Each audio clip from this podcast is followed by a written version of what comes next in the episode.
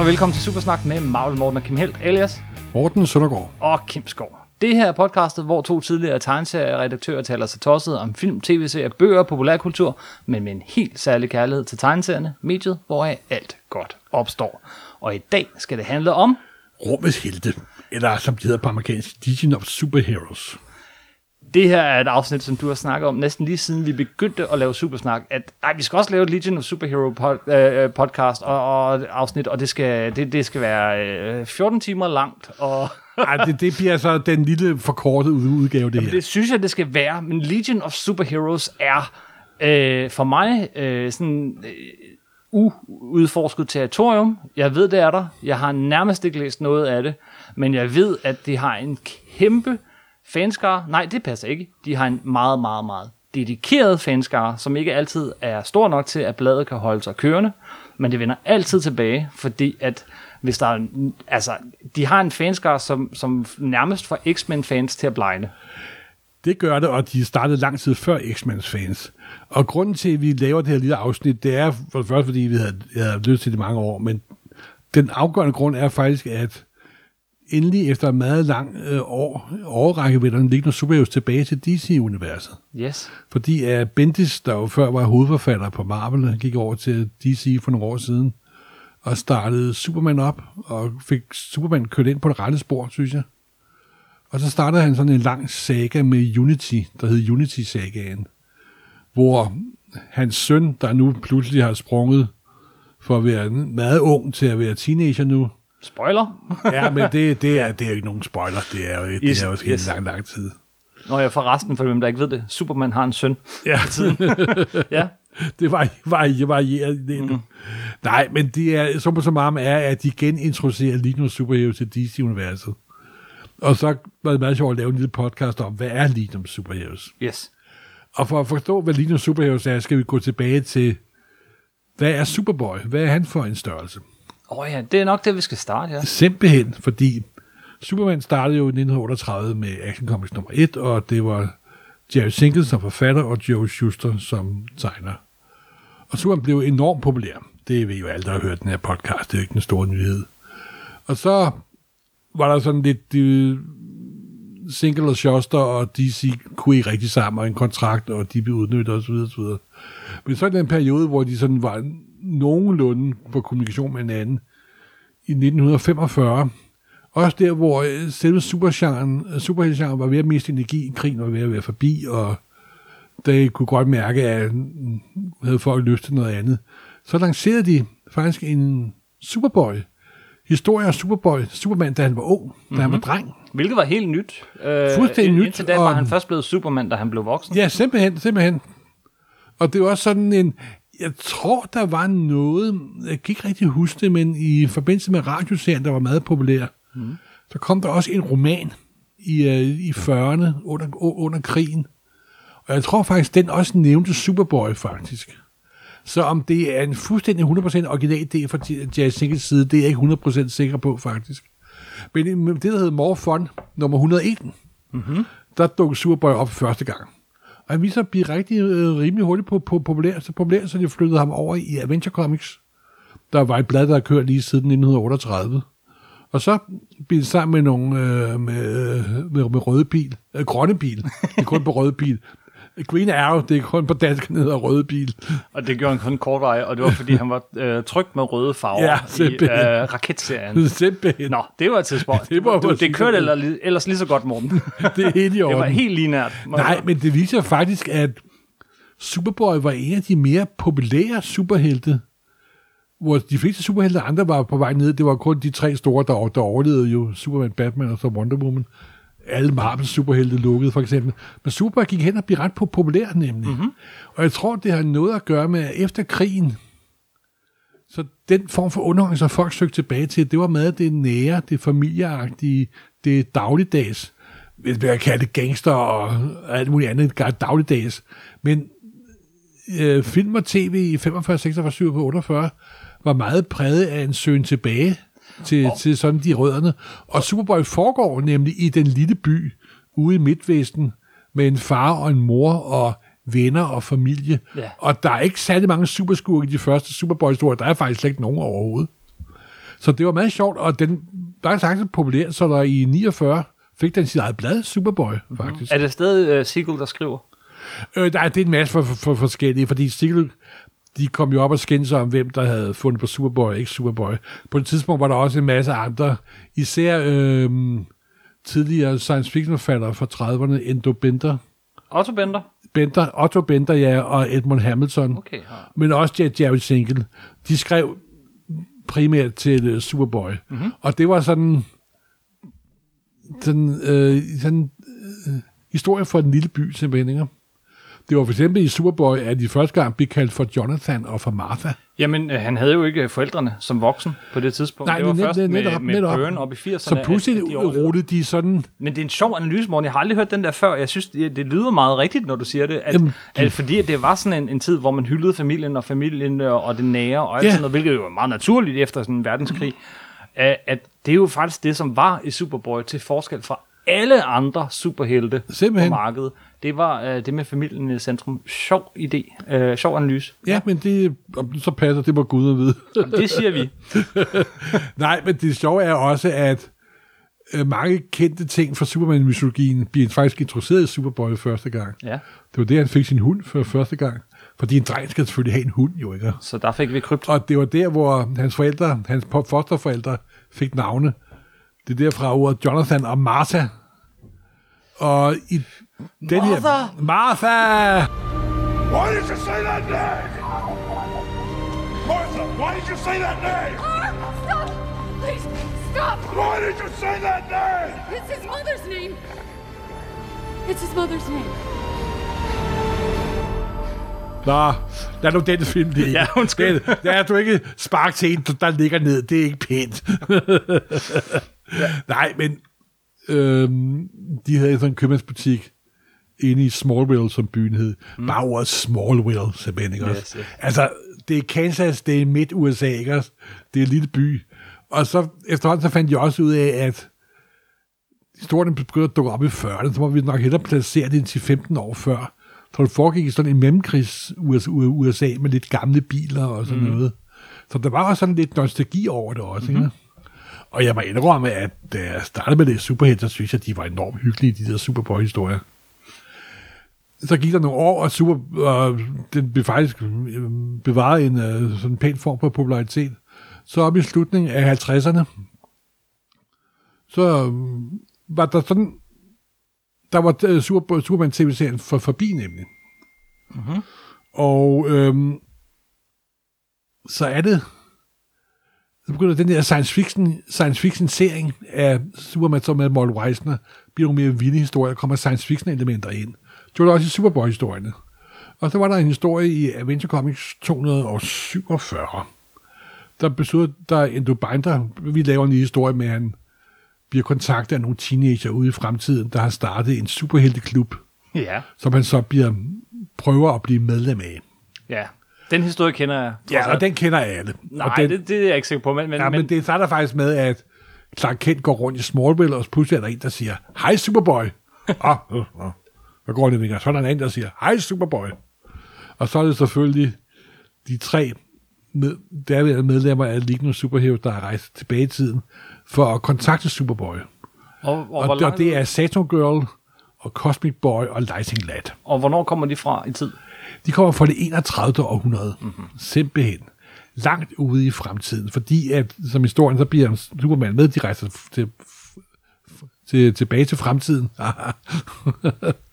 og øhm, i det her, fordi der er Superman, han er jo inspirationskilden til, at de har startet den her klub. Ja, eller Superboy, ja. Ja, Super, Superboy er simpelthen.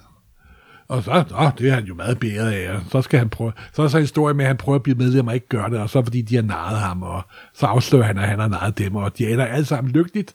Han får en lille markat, mm. sådan, som det gør alt en historie med en plæk, sådan en øhm, diplom. Du er nu medlem af League of Superheroes. Yes. Og så regnede alle med, at den historie var glemt, og der var ikke nogen, der ville referere til den nogen siden ever. Men summa summarum var, at det begyndte at vælte ind med breve på, på, på redaktionen. Mm. Nu er jeg i en tid, hvor der ikke var noget, der hed Twitter og Facebook og hvad ved jeg. Så bare det, der kom et, et fanbrev, det, det betragtede man altid som, hvis der kom et brev, så var der flere hundrede mennesker, der ville have skrevet ind. Ville ja. have skrevet ind. Så hvis der kom flere breve, så var det, hold da kæft, det er jo en succes. Hvis der kom 20 breve, så svarede det flere tusind mennesker, der var in- interesseret. Ikke? Og så, gud, jamen, der må vi hellere lave nogle flere lignende superheroes. Og så, så gik der en års tid, så begyndte de at sprøjte dem ud i alle mulige serier. Dukker op i, de, de dukkede op i Supergirl, de dukkede op i den regulære Superman, hvor han mødte den voksne udgave af Legion dukker selvfølgelig også op i Adventure Comics og Superboy og så videre, og så videre. Og de sådan begyndte at udbygge, udbygge den her mytologi. Der kom selvfølgelig flere medlemmer til Linus Superheroes. Der kom Kameleonen og Phantom Girl. Og, og det var sådan, at det var den her, legion, den her legion af superhelte. Det var alle sammen teenager. Mm-hmm. Der kom fra det her fremtidssamfund, hvor alle planeter var forenet i sådan for, for, forenede nationer. Det var meget utopisk fra fremtid. Ja. Og det er også meget sjovt, fordi i 1958, så var den fremtid, der bevist, det var ikke som man er vant til i dag, når Netflix laver en ny serie, der foregår 100 år ude i fremtiden, så er det jo død og undergang og korruption, og øh, de store selskaber er overtaget af alle, og alle har chip i baghovedet, og at alt er mørkt og sort, og de skyder, lø, lø, lø, lø, skyder løs på hinanden. Sådan en Blade Runner-kulisse, der er blevet så almindelig, så der går ind og bliver en, en, en, en, en kliché, Ja, ideen var, på det tidspunkt var, at fremtiden var ikke dystopi, men utopi. Ja, netop. Nå, men fremtiden var lys og, lys og, lys og venlig. Mm-hmm. Altså, du kan jo se andre, øh, for eksempel, og det er jo meget tidligt, de lancerede den her i 1958-59, og så fik uh, Lignende Super sin egen serie med Adventure Comics nummer 300 i 1960. I 62 kom for eksempel den her serie, der hed Jetson, Ja, tv-serien Jetson. den, den her øh, animerede tv-serie, sådan en, en alternativ udgave til Flintstone, der handlede også om en positiv fremtid. Der kom Star Trek, Jeg var lige ved at sige det. som du er jo helt vild med, og andre tegn, for eksempel Robot, uh, Magnus Robot Fighter og sådan noget. Og det var hele den her, måske i vores øjne lidt naive fremstilling af, af fremtiden med høje, lysende skyskraber og testsiddende kostymer og øh, venlige, rare mennesker, og man kan have flyvende biler og så videre, så videre. Og det, var, der- det var en fremtid, som der ikke eksisterer mere. Og, ja, det er det, og, og der tror jeg faktisk, du er inde ved, øh, tror jeg, at det er min opfattelse, nu må du rette mig, for du er ekspert på det her, men det er du inde ved kernen ved, af det, som gør, at folk holder så meget af Legion of Superheroes, at det er den her hyggelige, dejlige, familiære... Ej, der, var jo også masser af superskurker og ting og ting. ellers var det jo ikke super Nej, nej, nej, men, men, at, men, at, men, at, men, at, men det var en, vi lever, det, om tusind år, så går det godt. ja, Og det er jo ikke det indtryk, man får, hvis man kigger på et gennemsnit af fremtids øh, ting, der bliver lavet i dag. Ikke? Nej, nej, nej. Der er utopien jo bestemt. Det bliver nærmest sådan... den er truet. Ja, den er bliver nærmest gjort hån med, ikke? Yes, yes. Nej, men... Og samtidig har øh, Lignende Superhero jo også en anden ting, som de andre forlag jo opdagede med X-Men og Teen Titans senere. Mange år senere. Mange år senere. Det var en gruppe teenager. Mm. Der havde været teenage supergrupper før. For eksempel under øh, 40'erne i under krigen. Legion. Der var ja, Newsboy Legion, og der var Young Allies og så videre, så videre. Så det var prøvet før, men ikke i så ekstremt samme grad. Og også det der med, at der var enormt mange af dem. De kom fra mange forskellige planeter. De havde som regel kun hver en superegenskab. En kunne spise alt, en kunne lave sig om til elementarstoffer, en kunne hoppe, og en kunne gøre sig usynlig, en kunne gøre sig gennemsigtig, og alt, alt muligt simpelthen. Mm-hmm. Men der var også øh, en lille smule romance comics over det, ikke? Ja, For det var jo teenager, selvom når de blev skrevet af Edward Binder og Edmund Hamilton, og så Hamilton og Sticken, så lød de også meget voksne. De, nogle af dem lød ikke specielt teenager-agtige, må man sige. nej. Det var meget naivt, og så videre, så videre. Men det sjove var, at de var jo skrevet af folk, der havde vant til at skrive science, science fiction. Mm-hmm. Der kom også en masse science fiction-idéer ind i den her serie. Jeg tror også, det var noget af det, som der tiltrak mig til serien. Og øh, der var en tegner, der hed John Ford, som der tegnede den i en, de første mange hæfter. Og det var en meget sådan enkel bestandstil, må man sige. Som er sådan han totalt og ikke særlig udtryksfuldt og så videre, så videre. Men jeg slugte råt, og jeg, og jeg elskede det højt simpelthen. Det må jeg må indrømme.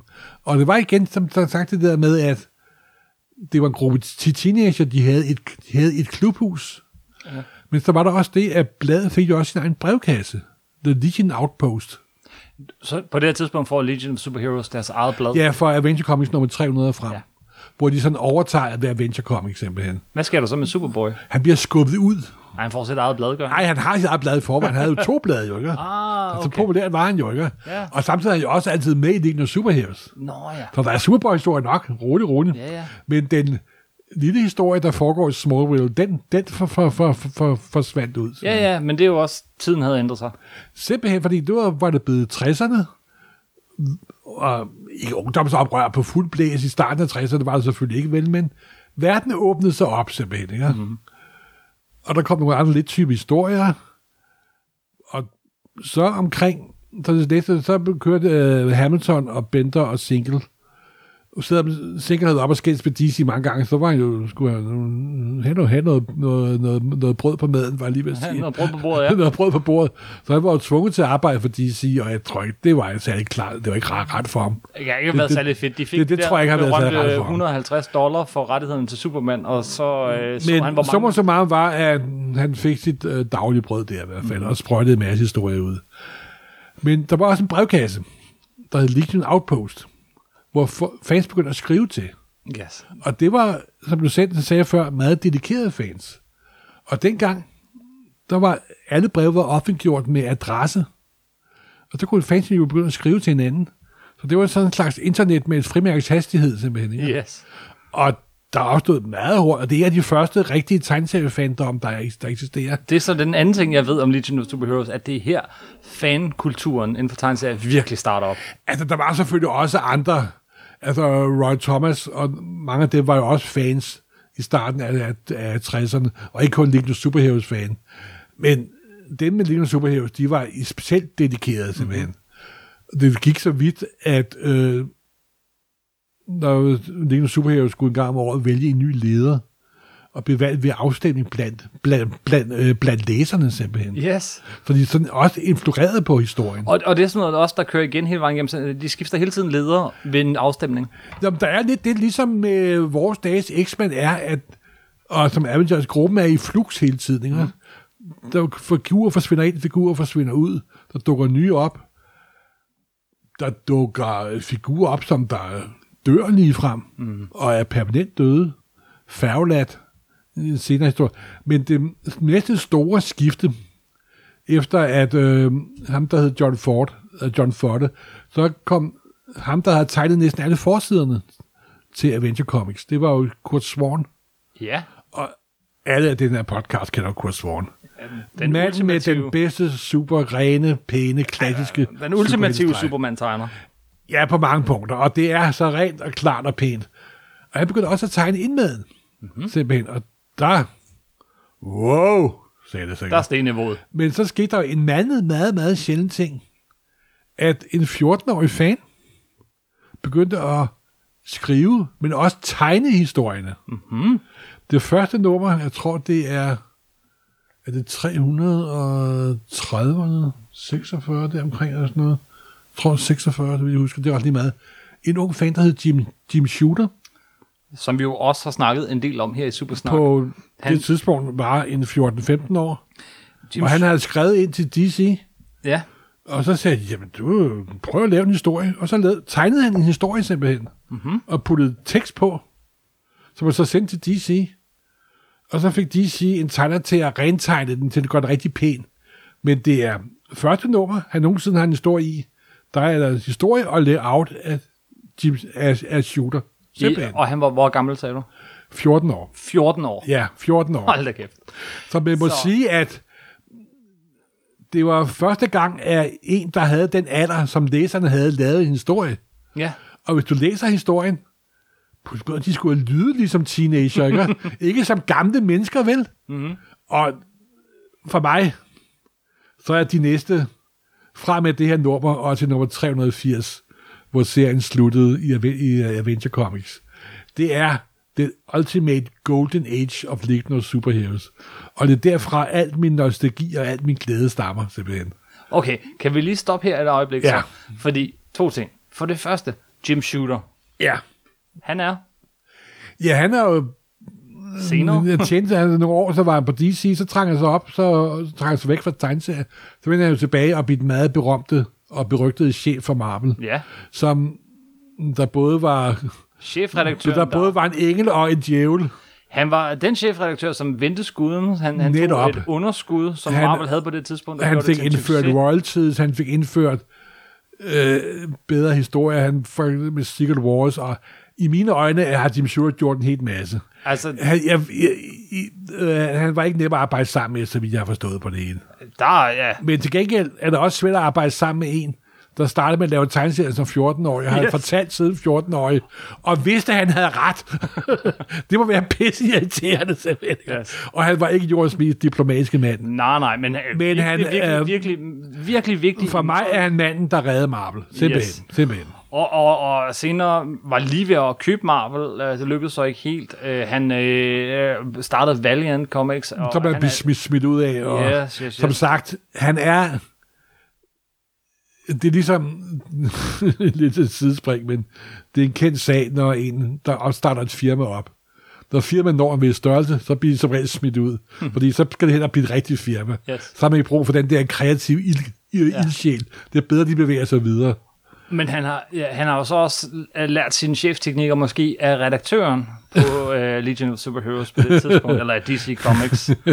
Jeg har hørt nogle frygtelige historier. Hvad var det nu, han hed? Øh, øh, var det Mort Øh, Weisner? Mort Weisner. Mort Weisner. Nå, men der var, ja. også, der var også andre inde over. Der var også en, der hed, han var, Mort Weisner var ikke så meget inde over den liggende superheroes, faktisk. Nej. Der var også andre. Men altså... Han, han fortæller, Jim Shooter, han har, jeg har hørt et interview, hvor han fortæller, at han som 14 eller 15 år, eller hvad han har været på det tidspunkt, bliver ringet op af ham her. Han står øh, ude i køkkenet, fordi det er der telefonen er hjemme hos hans forældre, og bare bliver skældt ud. Ja, men han, var, han blev ikke behandlet særlig pænt. Så, og, og det var derfor, han forlod dem til sidst. Han Ja. sagde, at hans næver var flosset i stykker. Øh, men ikke desto mindre. Det var en hård skole. det var en hård skole, men øh, 14 år! Og så skrev han Legion of Superheroes. Det er, ikke så den, det, det er ikke kun 14 år. Det er, de historier er virkelig, virkelig gode. ja, Han introducerer øh, den mest berømte øh, skurk, er Fatal Five for eksempel. Mm. Men historier, de er også indviklede. Der er sådan, der kommer enormt meget saber opera aspekt ind i det. Det er indviklet plot og med subplot og fortsatte historie. fortsat historie og tegner Kurt Swan. Og der, du kan ikke se overhovedet, at det er en 14-15-årig dreng. simpelthen. Det er lidt utroligt. det er faktisk ret utroligt. Og så også det, at det svarer til, at sådan en 12-13-årig uh, Star Trek-fan øh, Får lov ja, men at- du har skrevet et afsnit, så kører vi op, som og, Ja, men de vidste jo ikke, hvor gammel han var i starten, har jeg hørt. Ja. At det var først senere, de fandt ud af det, efter det var, han var begyndt, og efter det var blevet en succes, og så møder, møder, møder de ham så, fordi det hele foregik øh, via breve, ikke? Ja. og telefonopkald, og så, hold da kæft. men det kørte jo. Jamen, det er det sjove med, at man kan gemme sig. Det er jo ligesom i dag, hvor folk gemmer sig bag ting på internettet. Yes, ikke? yes. Så kan man også gemme sig bag bag bag et frimærke. Jeg sagde, øh, øh, det var to ting, jeg ville spørge om. Det andet var, øh, hvor startede din nostalgi for øh, Jamen, det startede jo, da jeg læste den i Superboy nummer 1. på dansk? Ja. Der var der også det, der hed Rummets Helte. Og det var de her historier af Jim Shooter? Øh, ja, nej, det var også nogen før. Okay. Det var også nogen øh, før. Og, og, og, og hvor- hvad var det der... Altså, hvor gammel var du? Og, og hvad Ja, var det, jeg der var, dig? var, jo, var jeg jo 11-12 år, Mhm. 10-11-12 år. Og jeg tror også meget, det var det der science fiction øh, aspekt. Ja. Og det, det var en gruppe teenager, ikke også? Og de sådan... De bestemte selv, der var ikke nogen voksne i nærheden, vel? Mm-hmm. De var de voksne, simpelthen, ikke? Yes. Det er ligesom, man også er begejstret for Pippi Langstrøm og så videre. Det kan godt være, at det også er det. Men så er det også fordi, at det er jo en serie, der har holdt kvaliteten, kan man sige. Mm-hmm. Og så også, men det tror jeg primært, det var, fordi det var nogle fede science fiction historier. Der var historie med, at Sula lavede meget berømt en, hvor, nogen, hvor Br- Br- Brainiac 5, det er de medlemmer af of Superheroes, der var en forfædre, der, Ja, var, en efter, der var en efterkommer af den oprindelige Brainiac, Superskurken. superskurk, Brainiac. Ja. der sad grundlagt en civilisation, hvor der er fyldt med superintelligente væ- væsener.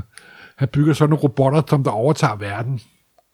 Og så bliver sådan en sædvanlig robotkamp derimellem, hvor blandt andet uh, Triple Girl, der var et gammelt medlem af Legion Superheroes, der var sådan en pige, der kunne dele sig i tre. En af dem dør, så hun bliver til Doulas. og dør simpelthen, ikke? Ja. Ikke noget med at genopstå noget som helst, ikke? Plus, at det er også en historie, hvor de, øh, de ender kampen med, at de finder den gamle bathule, ikke? der har været lukket i flere hundrede år. Ingen ved, hvor den ligger. Men Brainiac finder den og bruger noget, der er i bathulen til at bekæmpe den her skurk. Shooter var også god til at inkorporere hele DC-mytologien. Ikke? Ja. Jamen, det var virkelig nogle voksne historier. De var meget bedre end dem, som de voksne skrev. Simpelthen. ikke? For der kom bare sgu en fan, der vidste noget. Ikke? Han var jo han have været en af de allerførste fans, der fik lov til at arbejde inden for amerikansk tegneserie. Senere kom der jo en helt bølge med Roy Thomas og Gary Conway og Mark Wolfman og Lean Wien. Og de har betydet enormt meget for mediets ud, øh, udviklinger. Men jeg tror, alt andet lige, så må Shooter have været den allerførste, simpelthen. Ikke? Ja. Første fan, der blev professionel. Og de andre, du nævner, de var i 20'erne, da de Ja. begyndte. så, Og der var også det, at øh, Shooter, øh, han havde vist nogle, nogle lidt benhårde familieforhold. Det var faktisk ham, der var familiens forsørger på et tidspunkt i en alder af 15-16 år. Ja. Mm-hmm. Fuldstændig utrolig historie. det er også øh, sådan en tredje ting, inden, inden du fortsætter, men øh, øh, det var heldigt, at de hed Legion of Superheroes fra start af, når der kun var tre medlemmer til at starte med. Men, men, men du, du, der er jo en legion af superhelte. Øh, der er så mange, og det er vel også noget af det sjove ved det, er det ikke? Jamen, det er jo det, der er jo... Øh, De er godt nok alle sammen øh, hvide i mange år. altså, det en af, den er belæret, ligesom øh, når du kigger på ligesom de syv op- oprindelige astronauter, Ja, der blev valgt. Syv hvide mennesker fra Mellemamerika. ja. Simpelthen, det er, det er, Det er en af de ting, der gør lidt, er, det er et meget, meget hvidskuret univers. det er noget af det, der gør den lidt bedaget at kigge på. Ikke? Altså, Det går det meget bedaget. Men det er jo det, altså... Det var den Ja. tid. Ja, det er ikke noget, jeg tænker over, når jeg læser de gamle historier. Det er også fordi, der er jo en utrolig nostalgi over det, simpelthen. Ja. Ja. Men det er som sagt også det, vi kommer ind på, det er med, at der er en fremtid, og der kommer en fremtid, simpelthen. Ja. Ja. Men så efterhånden, som øh, 60'erne kørte op, og de også kunne mærke, at Marvel vandt frem med nogle lidt mere voksne historier, så begyndte øh, Legion of Superheroes under Shooter også at blive mere voksne. Der kom sådan lidt konflikter imellem dem, og historien blev noget, blev noget mørkere. Dog ikke mørkere end uh, Legion of Superpets dukkede op. øh, med hesten Komet og aben Bibo og Krypton og De, de der er ikke ude fra fremtiden og. Streaken. Nej, nej, nej, men de optræder i fremtiden. De rejser ud i fremtiden og bliver en del af Legion of Så, Superheroes. så super øh, kæledyrene øh, rejser til fremtiden og en de har del af- deres egen Legion of Superheroes. Hold da kæft. Legion of Superpets. Yes, yes, okay. Jimmy Olsen bliver med, med medlem af of Superheroes. Nå, i eget blad, eller i... Nej, nej, nej, nej. Han, i en tidlig Olsen-historie, før at of Superheroes dukkede op, så drikker han sådan et, et, et serum, så han bliver til, øh, elekt, til, til elastikdrengen. Nå ja. Og han bliver så senere medlem af Legion of Superheroes. Mm-hmm. Lana Lang, hans kæreste fra, hvad hedder Supermans det? kæreste fra Smallville. Hun bliver også medlem af Legion of Superheroes, fordi hun finder en ring, der kan gøre hende til insekter. og så er det jo også det, at så optræder Supergirl jo også i Legion of Superheroes. Fordi den, efter at Superboy havde været første gang, den næste historie, der kom, det var, hvor Legion of Superheroes, de mødte Supergirl. Hvordan kan det så være, at Superboy rejser ud i fremtiden og ser, at er Supergirl, og så vender tilbage igen og glemmer det? Det er fordi Brainiac 5 har lavet en posthypnotisk kontrol i hans hjerne. Så gang han vil rejse tilbage, så glemmer han alt om Supergirl. Ah, så... Simpelthen. Han er snedig, han Brainiac 5. Nej, altså, det, jeg kan selvfølgelig sidde og ramse op hæfte for hæfte for hæfte med øh, de her Kurt Swan-tegnede Jim Shoot, Jamen, så, Jim, Jim ved du hvad, Shooter skrevet historier. men det får, Og- du faktisk, det får du faktisk lidt lov til. Bare lige helt kort. Kan du ikke bare lige... Nogle af højdepunkter, nogle af de mest vanvittige historier, kan du ikke prøve sådan lige lidt af? Jeg lige foran og ser øh, på bordet mellem mikrofonerne, så har Morten en stak af Legion of Superheroes tegneserier. Og, og, og bare øh, nogle af de mest vanvittige historier, eller sjove. Jamen, en af de bedste, der var en sådan en skurk, der hed Starfinger. Så viste sig, at det ville var en hypnotiseret udgave af sådan Lightning Lad, der dominerede dem alle, dem alle sammen. Og, men det blev altså først rigtig godt, da, øh, Jim, da, da Jim Shooter kom, kom til. Og han, hans største ting var, det var de der Facial, Facial 5, der faktisk her inden for det sidste halve år har, har medvirket i en, øh, i en animeret film for DC Animation simpelthen. Mm-hmm. Så den gruppe eksisterede stadigvæk. Men så begyndte det, som jeg sagde før, så begyndte de også at blive lidt mere voksne. For eksempel var det ikke længere øh, øh, Kurt Swan, der lavede for forsiderne. Det var pludselig en lille Adams, der lavede forsiderne simpelthen. Uha. Og nu er vi oppe i 66-67, Ja. hvor øh, også nu er der jo, nu er Teen Titans kommet frem, nu er X-Men kommet frem, ikke? Og salget var, har jo aldrig, men Lignende Super salget har jo aldrig været sådan banebrydende, det har aldrig brudt igennem. Nej, det har det det, det startede med været sådan en, en serie for, for fansene. Og i uh, nummer 380, så var det den sidste Lignende Superheroes historie, faktisk. Er shooter? Af, af alle. Nej, men var den skrevet af shooter? Ja, det var skrevet. Han, han skrev alt for 2,47 til, til, til, Og, til, og så lukkede bladet, der så, så lukkede bladet simpelthen. Og de sidste historier, der kom, det, er- det, det kan jeg huske, da jeg læste dem i danske oversættelser. Mm. Jeg synes, de var fantastiske simpelthen. Og der var jo sådan angreb fra andre dimensioner, og øh, halvdelen af medlemmerne døde, og i magikere ude for fremtiden øh, med sådan øh, angreb dem, og der var trekantsdrama med Shadowlass og Superboy, og så videre, så videre. Jeg var helt vild med dem simpelthen. ikke? Men det er sjovt, fordi øh, det her det er, den periode, hvor, øh, det er den periode, jeg har læst lidt af. Og jeg har kun læst dem som barn. Jeg har ikke læst dem siden. Jeg læste dem i Super Solo, hvor de kom. Og der Jamen, det var de, mange øh, forsiderne- Super O var også helt vild med liggende var superhelte, nemlig. helt vildt med, med Ja. Legend Superheroes. Mange af forsiderne på de her Super Soloer var tegnet af Neil Adams, så ja. det er derfor, jeg tænker, at det må være den periode. Men jeg kan bare huske, at jeg som barn Øh, nej, det fangede mig ikke rigtigt, og, og jeg tror måske, at det var fordi, at, at det var det, for, jeg var ikke med fra start, eller, eller et eller andet. De, de ramte mig bare ikke Det, du rigtigt. var ikke medlem af klubben simpelthen. Jeg tror, du opdagede dem på det helt rigtige tidspunkt. Ikke? Jamen, selvfølgelig er det jo, du er det. Ja. Og det er da også, altså, når jeg kigger på dem i dag, så er det sådan rent objektivt, så er det jo ikke fordi, det er jo, det er jo ikke nogen mesterværker, vel? Det er jo ikke nogen udbrud. Men det er de historier her, især de første 10 år med Lignende Lignende Superheroes. Da serien stoppede, så var vi nået frem til omkring 1970. Mm. Med nummer 300, med Adventure Comics nummer 380. Cirka 10 år, og de 10 år, det er, det er stadigvæk, når du spørger fansene, for eksempel Brian, Michael, Øh, øh, Brian Michael Bendis. uh, Brian Michael Ben- Bendis, der jo genopliver dem. Hvis du spørger mad, så er det fra 60 til 70, det er det, der brænder, simpelthen. Mm-hmm. Det, er, det er helt sikkert. Så skete der jo det sjove, at serien døde jo ikke helt. For den kørte videre som en lille følgetongserie bag Action Comics, hvor den sådan overvintrede et års tid. Og så begyndte den skulle at dukke op som små historier bag det Superboy, der stadig kørte, kørte videre.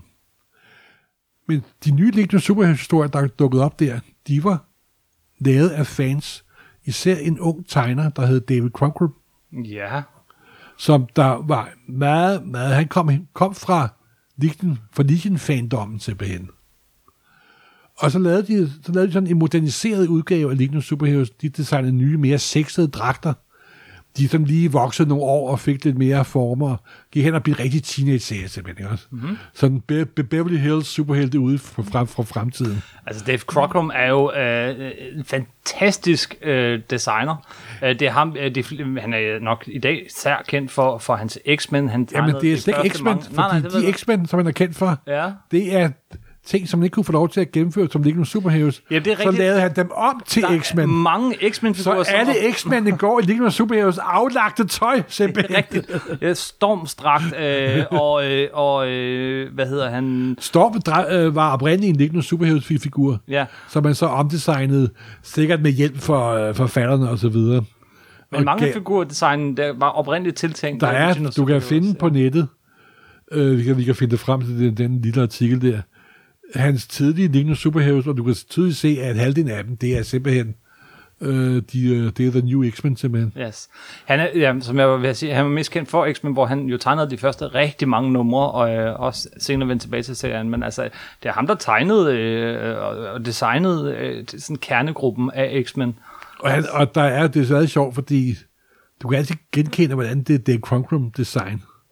Der er altid sådan nogle, der er rigtig sådan åbne flader af tøjet, så bliver det sådan rigtig hægtet sammen af sådan, sådan ringe, og pæne nedringinger hele, hele tiden, mm-hmm. meget stramsiddende, meget 70'er-agtigt, men det er meget effektivt. Altså, den oprindelige stormkostyme er jo fantastisk simpelthen, mm-hmm. Og ulig noget andet. Simpelthen, simpelthen. Og så er igen det der med, at så fik serien en ny po- popularitet faktisk. Og så igen var det fans, der tog over, ikke? Og lavede historier til fans. Mm-hmm. Og så ligesom første gang, hvor de smed Superboy ud af Adventure Comics, så smed de Superboy ud af, af, af Superboy. Ja, Og så var det igen Legion of Superheroes, der tog over. Og dengang havde de bidt, bidt sig fast. Og nu for at gøre en, en, en, en øh, lang historie øh, meget, meget kort. Så op gennem 70'erne, så kom der nye forfattere på, øh, Paul Levitz. Og så på et tidspunkt kom der Giffen på. ja, Keith Giffen. Kit Giffen. Det blev sådan det nye power team, kan man sige. Aha. Og de lavede stadig en af de mest berømte Legion Superhistorier, der hedder The Great Darkness Saga. Og den, er, den tager afsæt i uh, Kirby's Fourth Det går World. fordi jeg tror, jeg er ikke helt sikker, men jeg tror, det er første gang, at Fourth World virkelig blev inkorporeret i DC-universet og brugt til noget. Mhm. Mm-hmm. Og Darkseid blev brugt til noget, udover Kirby, var den der The Great Darkness Saga, hvor det handler om, hvordan Dark, uh, Darkseids forsøg på at gøre noget omkring år øh, 30 1000 år ude i, ude i fremtiden. Og på, det, på et tidspunkt var serien næsten lige så populær som de nye Teen Titans, der også var dukket op med Mark Wolfman og, og George Perez. Nå, var den så populær på det Ja, den fik, uh, ligesom uh, Teen Titans jo på et tidspunkt havde sådan et hardcover og softcover system, mm-hmm. hvor der godt kom meget lækre udgaver, der så senere kom lidt billigere ud, billigere ud, billigere ud udgaver. De gjorde også det samme med Legion of Superheroes. Godt være, at det ikke, salget ikke var helt deroppe, men det var, det var, det var tæt på. Så efter mange år, så gik der jo øh, 80 og 90 dyst, dystopi i serien. Mm-hmm. Og så blev det den her mørke, sådan traditionelle fremtid, der er en traditionel fremtid nu, ikke også? Med at det hele går i helvede til, at jorden går under. Er det under Keith Giffen? Ja, det var blandt andet under Kit Giffen, der gik jorden blandt andet under, og så videre, og så videre. Og der forsvandt noget af den her sådan naive fremtidstro. Som er så kendetegnet. Så faktisk var der sådan et meget længere plot med, at den naive udgave af Legion Superheroes viste sig at være kloner af de rigtige Legion Superheroes. ja. Men det er vist noget, de er gået, gudslov er gået bort fra, fra igen. Men det er meget sjovt, hvordan at, når frem til de sådan mere øh, kyniske 80'er og 90'er, sådan, sådan retroaktivt forklarer, hvorfor at 60'erne var så naive simpelthen. Ikke? Mm-hmm. Og de er da også meget sjove, jeg har da læst dem alle sammen, men det er meget typisk den mørkeste periode, hvor Kit Giffen øh, var sådan hovedkreative kraft bagved, de er aldrig blevet optrykt af DC's ven. Aldrig, og det bliver sikkert heller aldrig, Og hvorfor? fordi de er meget mørke. Og blandt andet også fordi, at Kit Giffen er en ordentlig grund eksisterede på, at alle medlemmer af Legion Superheroes kun snakke med hinanden og bruge deres borgerlige navne. Så det var kun for læsere, der kunne huske, hvad alle deres superheltes borgerlige navne var simpelthen. Ikke? Og der er vel at mærke mange. Ja, og det var, det var selv som en, for mig var det sådan lidt tough gurke, kan man slå tilbage. Nå, ret og ruk, nå, det er matter i så lad i virkeligheden. Kit, hvis nogen øh, blandt vores læsere kender Kit Giffens tegninger, så er de måske ikke de mest udtryksfulde en gang imellem. Nogle gange var det svært at se forskel på, hvem der var hvem, og hvad der var hvad. Og det foregik i sådan noir halvmørke alt, alt sammen. Okay. Det var en meget mærkelig periode. Det var ret, det var ret flot. Og der skete en hel masse fantastiske ting, men jeg må sige, det var ikke en, der hævde nye, hævde nye læsere ind. Nej. Og der er en grund til, at DC aldrig har genoptrykt dem simpelthen. Mm-hmm. Og så øh, var der forskellige perioder, hvor de forsvandt og kom igen, og de blev rige. Der kom jo en Crisis on Infinite Earth, og der kom Zero Hour, og kom et par Ja, Crisis og, til. og, og der forsvandt de helt ud af kronologien, ikke? Lige pludselig fandtes de slet ikke i en... Nej, det er først... Øh, nej, der bliver det la- la- lavet om. Og så Ja, videre. ja, det, var- altså, øh, det, den startede helt forfra. Som, ja, ja, den er blevet rebootet tre, tre gange inden, inden da. Tre gange er den blevet fuldstændig rebootet. Altså, hvor alt Ej, ikke altid fuldstændig rebootet. På et tidspunkt, her lige før at den lukkede ned for, for alvor, så lavede George Perez sådan Legion of Three Worlds, Den kan jeg huske. en og fem den nummers købte jeg. miniserie, Det var under, hvor han- under Final Crisis Ja. ja. af, af Graham Morrison, som var sådan en Der stor er- DC-begivenhed det år. Så kom der en sideserie, som er, er, er på mange måder mere fantastisk end hovedserien. Meget mere nemlig fantastisk. Legion of Three Worlds, som er klassisk George Perez, som vi jo også har snakket om. hvor gange. George synes, Perez tegner samtlige udgaver af Legion of Superheroes i tre forskellige udgaver. Ja. Det er, jeg vil næsten sige, der er flere forskellige personer med, i, der er i Crisis on Infinite Earth. ikke? Yes. Og manden er jo skingerne sindssyg, og det er fuldstændig vid vidunderligt. Mm-hmm. Men det endte så, at det hele blev smeltet sammen til en. Der kom nu for øh, helt frem til vores dag, der kom 52. Den der ikke alt for heldige relancering af DC-universet. Der kommer også en udgave af of Superheroes, som der er slet ikke blevet fra sig overhovedet. Den Nej. forsvandt ud. Det endte sidst med, at det slet ikke var foregået på det, den jord, vi havde troet, det var, og så videre, og så videre. Og så kom den her lange, lange pause, mm-hmm. der først den første anelse om, at der var noget nyt på vej, det var i det allerførste nummer, der hedder Rebirth. Ja, af Jeff Johns. Det der også- hæfte. Jeff, Jeff Johns, som jo også skrev uh, Legion of Three Worlds. Jeff Johns meget berømt. Uh, Faktisk var der under, da Jeff Johns skrev et, uh, et run over Superman, mm. så lavede han en historie, hvor Superman mødte Legion Superhistorie, Legion Superheroes for, for, for første gang. og den er rigtig god. Ja, det er faktisk rigtig god, men det er vist anden eller tredje gang, at Superboy Superman møder dem for første gang. Yes. Og nu er det en gang til. Her et blad, der faktisk kommer i denne uge, vi sidder og laver denne pod, pod, pod, podcast. Jeg ved ikke, hvornår folk kan høre den her, men vi er nu ved at være sensommeren 2019. Der dukker Legion of Superheroes op igen i en helt ny udgave.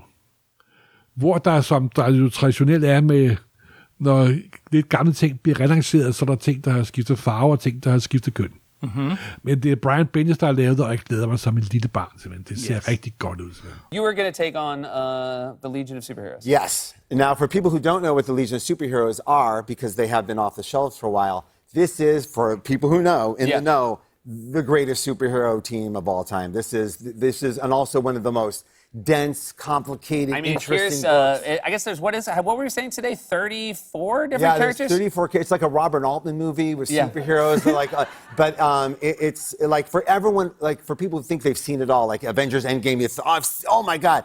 For people in the know, you ain't seen Legion yet. That's very Legion's the exciting. thing, and I yeah, will say so. from this photo, uh, Ryan Sook, uh, one of my favorite artists. It's so Yes. exciting, uh, the two of you working together on This this. is Ryan Sook and Jordi Belair uh, put this together. These are all the redesigned uh, Legionnaires. People haven't seen them in a while. We're going to bring them back. And what these characters do is that they, they live a thousand years in the future from us. It's a thousand years from now. So good news, there's a future. Right, That's the good. That's the right. That's good news, It's a yeah. thousand years from now. Yeah. They're really- and and they all these teenagers have gotten together to live the ideals of the age of heroes. They want to be Superman, Batman, Wonder Woman, and so they they're living what they think is the best version of us. Og hvordan er det, han lancerer den her øh, øh, genfødsel af... Det, det er igen af, en lang historie i of Super, øh, med, med, med, med, med Superman og den nye Superboy. Ja. Og hvad Endo Binder kunne klare på otte sider i gamle dage, det er nu en 13 afsnits mi- mi- miniserie. Det er en klassisk Bendis. yes. Men jeg har læst den, og øh, det er bestemt ikke dårligt. Og det ender med, at of Superheroes dukker op og siger, at vi har brug for dit hjælp. Siger Superman, nej, jeg har desværre ikke tid. Jamen, det er slet ikke dig, vi spørger. Det er din søn. og dermed, om en måned kommer det første nummer Legion of Superheroes nummer 1. Og samtidig har Bendis også redefineret hele DC's fremtid. Ja. Så Kamandi Øh, ja. og, øh, hvad hedder det, øh, Alt, hvad de har. de atomdrevne Knights, hvis nogen kender dem, det er godt nok lidt... Atomic de, Knights, De, yes. Atomic Knights godt lidt de, de, de, de, de, DC. Alt sammen bliver sat til en fælles fremtid, der ender med, at de når frem til Legion of Superheroes. Så nu begynder serien igen. Ja. Og det er Hans Søndergaard meget, meget, meget glad for. For det er den længste pause, de nogensinde har været væk. De har været væk i næsten 8-9 år. Mhm. Og det har været lidt hårdt. Og jeg var slet ikke klar over, at Bendis var, var lige en Superheroes-fan. Det var først, når jeg opdagede her for et par måneder siden. Ah, men det er han i den grad. Og det, jeg tænkte, det, han er jo lige så rævende gal, som jeg er. simpelthen. Altså, han har gået og ventet på, at han kunne komme tilbage til of Superheroes. Det er ganske fantastisk. Jamen, det, det glæder vi os til. Uh, hvis nu jeg gerne vil læse noget Legion of Superheroes. Ja, så skulle du... Du kan selvfølgelig prøve at læse noget af det gamle nostalgiske Jim Shooter, Kurt Swan. Det kan godt være, at du måske synes, det er lidt bedaget. Men uh, The Great Darkness Saga mm-hmm. vil jeg varmt at anbefale. Det vil jeg... Det, det, er, det, er, det, er, jamen, det er også en fejl, at jeg ikke har fået den læst endnu. Ja. Og det er, den er jo fra øh, starten af 80'erne, så vidt jeg husker. Mhm. Mm-hmm. Men ellers så er det altså... mm, Legion of Superheroes er lidt sådan ligesom med Doctor Who, faktisk. Ja, man skulle have været der. ikke at sige, at man skal være der, men øh, det er meget sådan... Øh, det er da ikke en, der lukker folk ind lige med det samme. Nej. Det er det altså ikke. Det kan godt forekomme sådan, åh oh, god, jeg gider sgu da ikke sætte mig ind i 40 forskellige helter, og hvad de laver med hinanden, og så videre, og så videre. Så det er sådan en rigtig fanboy-serie, det er det altså. Det må jeg jo sige. Og det er, det er også det, jeg godt kan lide ved den jo. Ikke? Ja da. Jeg Men det er også en det. serie, der handlede om, at dengang der var en fremtid. det er der ikke mere. Nu er der jo kun dystopier. Fedt. Morten, er det her, vi slutter? Ja, lad os bare slutte her. Jamen, så lad os stoppe her. Øh, det klarer du godt, Morten. Øh, du, Ej, du, Det var en meget løs gennemgang af liggende superhelte. det, det er jeg meget imponeret over. Nogle gange er det meget, meget svært, når der er noget, man virkelig elsker og virkelig ved meget om. Jamen, jeg føler også, at jeg ikke har fået fortalt alt det, jeg vil. Ja, ja, men øh, du var sådan, det tager, det tager mindst, tre, nej, mindst øh, fem afsnit øh, og den slags. Øh, men som du selv siger, det er niche, niche, niche. Og, øh, og Jamen, det, ikke det, der er det sjove ved det for almindelige vores, vores lyttere, er, at det var første gang, at fansdommen tog over og begyndte at lave superhelteserie. Mhm. Mm-hmm. Det er faktisk det, der er det mest fascinerende ved det. Ikke? At det var pludselig var fans, der begyndte at lave det. Og det har jo i de mange år, der har kørt senere, jo både ved tegneseriegenren, især superheltegenrens forbandelse og store lykke. Ikke? Ja. Fordi det gør, at historien bliver lidt mere indforstået og selvforstået, og måske ikke er så gode til at hive nye læ- læsere ind. Ikke? Ja. Så man kan sige, at det var starten på noget stort, det var også starten på et problem. Åh oh, ja, altså øh, en sidste ting, man kunne runde, det er altså nogle af medlemmerne øh, og nogle af de superkræfter. Nu vil du gøre grin med dem, det vidste jeg. Det er ja. Bouncing Boy, du er ude efter, ikke? Jeg er ude efter Bouncing Det jeg Boy. vidste. Hvorfor er det? Det var en ung, kvik teenager, der arbejdede for en videnskabsmand. Ja. Og så skulle han jo drikke sin frokostcola. Så kom han til at tage fejl mellem den og det serum, han skulle aflevere. Og så bliver han til Bouncing Boy. Han kunne op til en stor kugle og hoppe rundt som en gummibånd. Kæmpe stor rund øh, tyksaks. Men jeg vil lige sige, tyksakken blev gift med Doulas. rundt. Ja, En af de sejeste og sexede medlemmer af Lignende Superheroes. han blev Og simpelthen gift med to piger. En af to piger, det overlader vi helt til fantasien, det her. På det, ikke? Og på et tidspunkt var hun triple las. Ja, det, kan- det kan være, det var smart at være Bouncing Triple Boy. girl be til doulas. Så der er ikke noget der. Det, Der var der også noget med Legion of Substitute Superheroes. ja, det var der. Det, ved jeg også. altså, det var jo en gang om året, så kunne jo forskellige øh, beboere fra de forenede planeter prøve at blive medlem af Lignende Superheroes, og det var jo en stor ære. Mm-hmm. Så mødte der jo folk op, der måske ikke havde de mest fremragende superegenskaber. Ja. Og, og så lavede de et helt nummer af de folk, der blev rejected. De lavede deres egen gruppe, Lignende of Substitute Hero. Blandt andet var der jo Stoneboy, der kunne gøres om til, til sten. Ja, og det var det, han kunne. Ja. Han blev til en sten. Simpelthen. Oh. Så var der Night Girl, der havde superkræfter, ligesom Superboy, men de fungerede kun om natten. Simpelthen. Og der var, var det fluoriddrengen, der kunne få planter til at vokse og sådan noget. Nogle af dem blev dog senere medlem af Lignende Superheroes. Okay. Og på et tidspunkt, så var der også historie, hvor Lignende Substitute Hero, de viste sig at være bedre end Lignende Superheroes. Så de fik en æresparade. Åh, oh, ja. Og det er også, det er jo det her sådan, Det det, er. Jamen, det er jo så rigtig spider-serie, det er jo det, der er så Men det sjovt. er, det, og det er så dej- dejligt. Altså, det er jo sådan noget med, de giver hinanden emblemer og diplomer og dulighedstegn, ikke? Yes. Og de har jo alle sammen deres flyvering, for eksempel, ikke? Ja, flyveringen. Ja, det, var, det havde jeg ikke glemt. Og det var først et flyvebælte. Sådan et rigtig sådan lidt tykt mavebælte, så kunne man flyve. Det bliver så senere til en ring, der også kunne kommunikere, de kunne snakke sammen. Så alle superheltene i Legion of Superheroes kan Kunne flyve, flyve, fordi nemlig. de har den ring. Og altså, hvem vil ikke have sådan en flyvering? og hver gang de sælger et sæt af flyveringe, Ja. så står der altid i annoncen, disse ringe fungerer ikke i virkeligheden. Men man kan aldrig vide. Niks, niks, niks. Nej, det er, det er ren nostalgi og ren, det er sådan ren glæde ved super superhelt, ikke? Yes, og den der dejlige naive ting med, at altså, den der med, hver superhelt har én kraft, der definerer ham og, eller hende, og, og giver dem navnet. Ja. Og det, det er sådan, du, du ved, hvad de kan ud fra deres navn. Der dukker der jo nogle øh, Mor-El, der var sådan en Superboy-kopi, han dukkede jo op Ja. og med, fordi han tilbragte 1000 år i fantomzonen, fordi han jo fik den her blyforgiftning, og så var det, da Brainiac 5 fandt et serum, der hedbredte hans blysygdom. De var så ud omkring år 3000, så blev han med fast medlem der. så Der er masser, øh, vi kunne blive ved. Men øh, lad os stoppe her, øh, og så sige tak for den gang. Husk, at øh, der hører en lille artikel til, som du har skrevet, Morten, ja. Inde på nummer 9.dk. Der er øh, alle tidligere afsnit inde på supersnak.nu. Øh, I kan følge os på Instagram, Facebook, Twitter, øh, hvor det er at Morten og at Kim Helt. Øh, og det var vel nogenlunde det for den her gang. Ja, simpelthen. du fik lov. Og øh, jeg ved faktisk ikke, hvad vi skal snakke om næste gang, men øh, jeg glæder mig til Det bliver en spændende overraskelse. Det er altid hyggeligt, og det er altid hyggeligt at høre dig snakke om noget, du virkelig elsker. Simpelthen. Jeg elsker, det er Superboy og Legion of Superheroes, det ligger meget højt høj, højt op. Jeg ved, det er en af de serier, du har hver eneste nummer af. Ja, I simpelthen. Dog ikke, de allerførste er ikke originale, for jeg gider ikke betale 10.000 dollars for et nummer. Nej, Men fra og med Adventure Comics nummer 300 fra 1960, så har jeg komplet run frem. og jeg har også de numre af Jimmy Olsen, hvor han optræder i Legion of Superheroes ud- udgaver. yes. Og hvor Legion of Superheroes op- optræder diverse sidehæfter og sådan noget. Og Science Police har jeg også. Science Police. Ja, fordi Ja, det er jo også snakker der... De er, de er også... Fordi der er jo ikke særlig mange forbrydelser i det 30. århundrede, vel? Aha. Men de forbrydelser, der er, de bliver bekæmpet af Science Police. Og det er også, åh, det er også ganske herligt. Det er et rigtig klassisk science fiction. Det er også det, der er så sjovt. Nå, nok om, nok om det. Vi ses næste gang.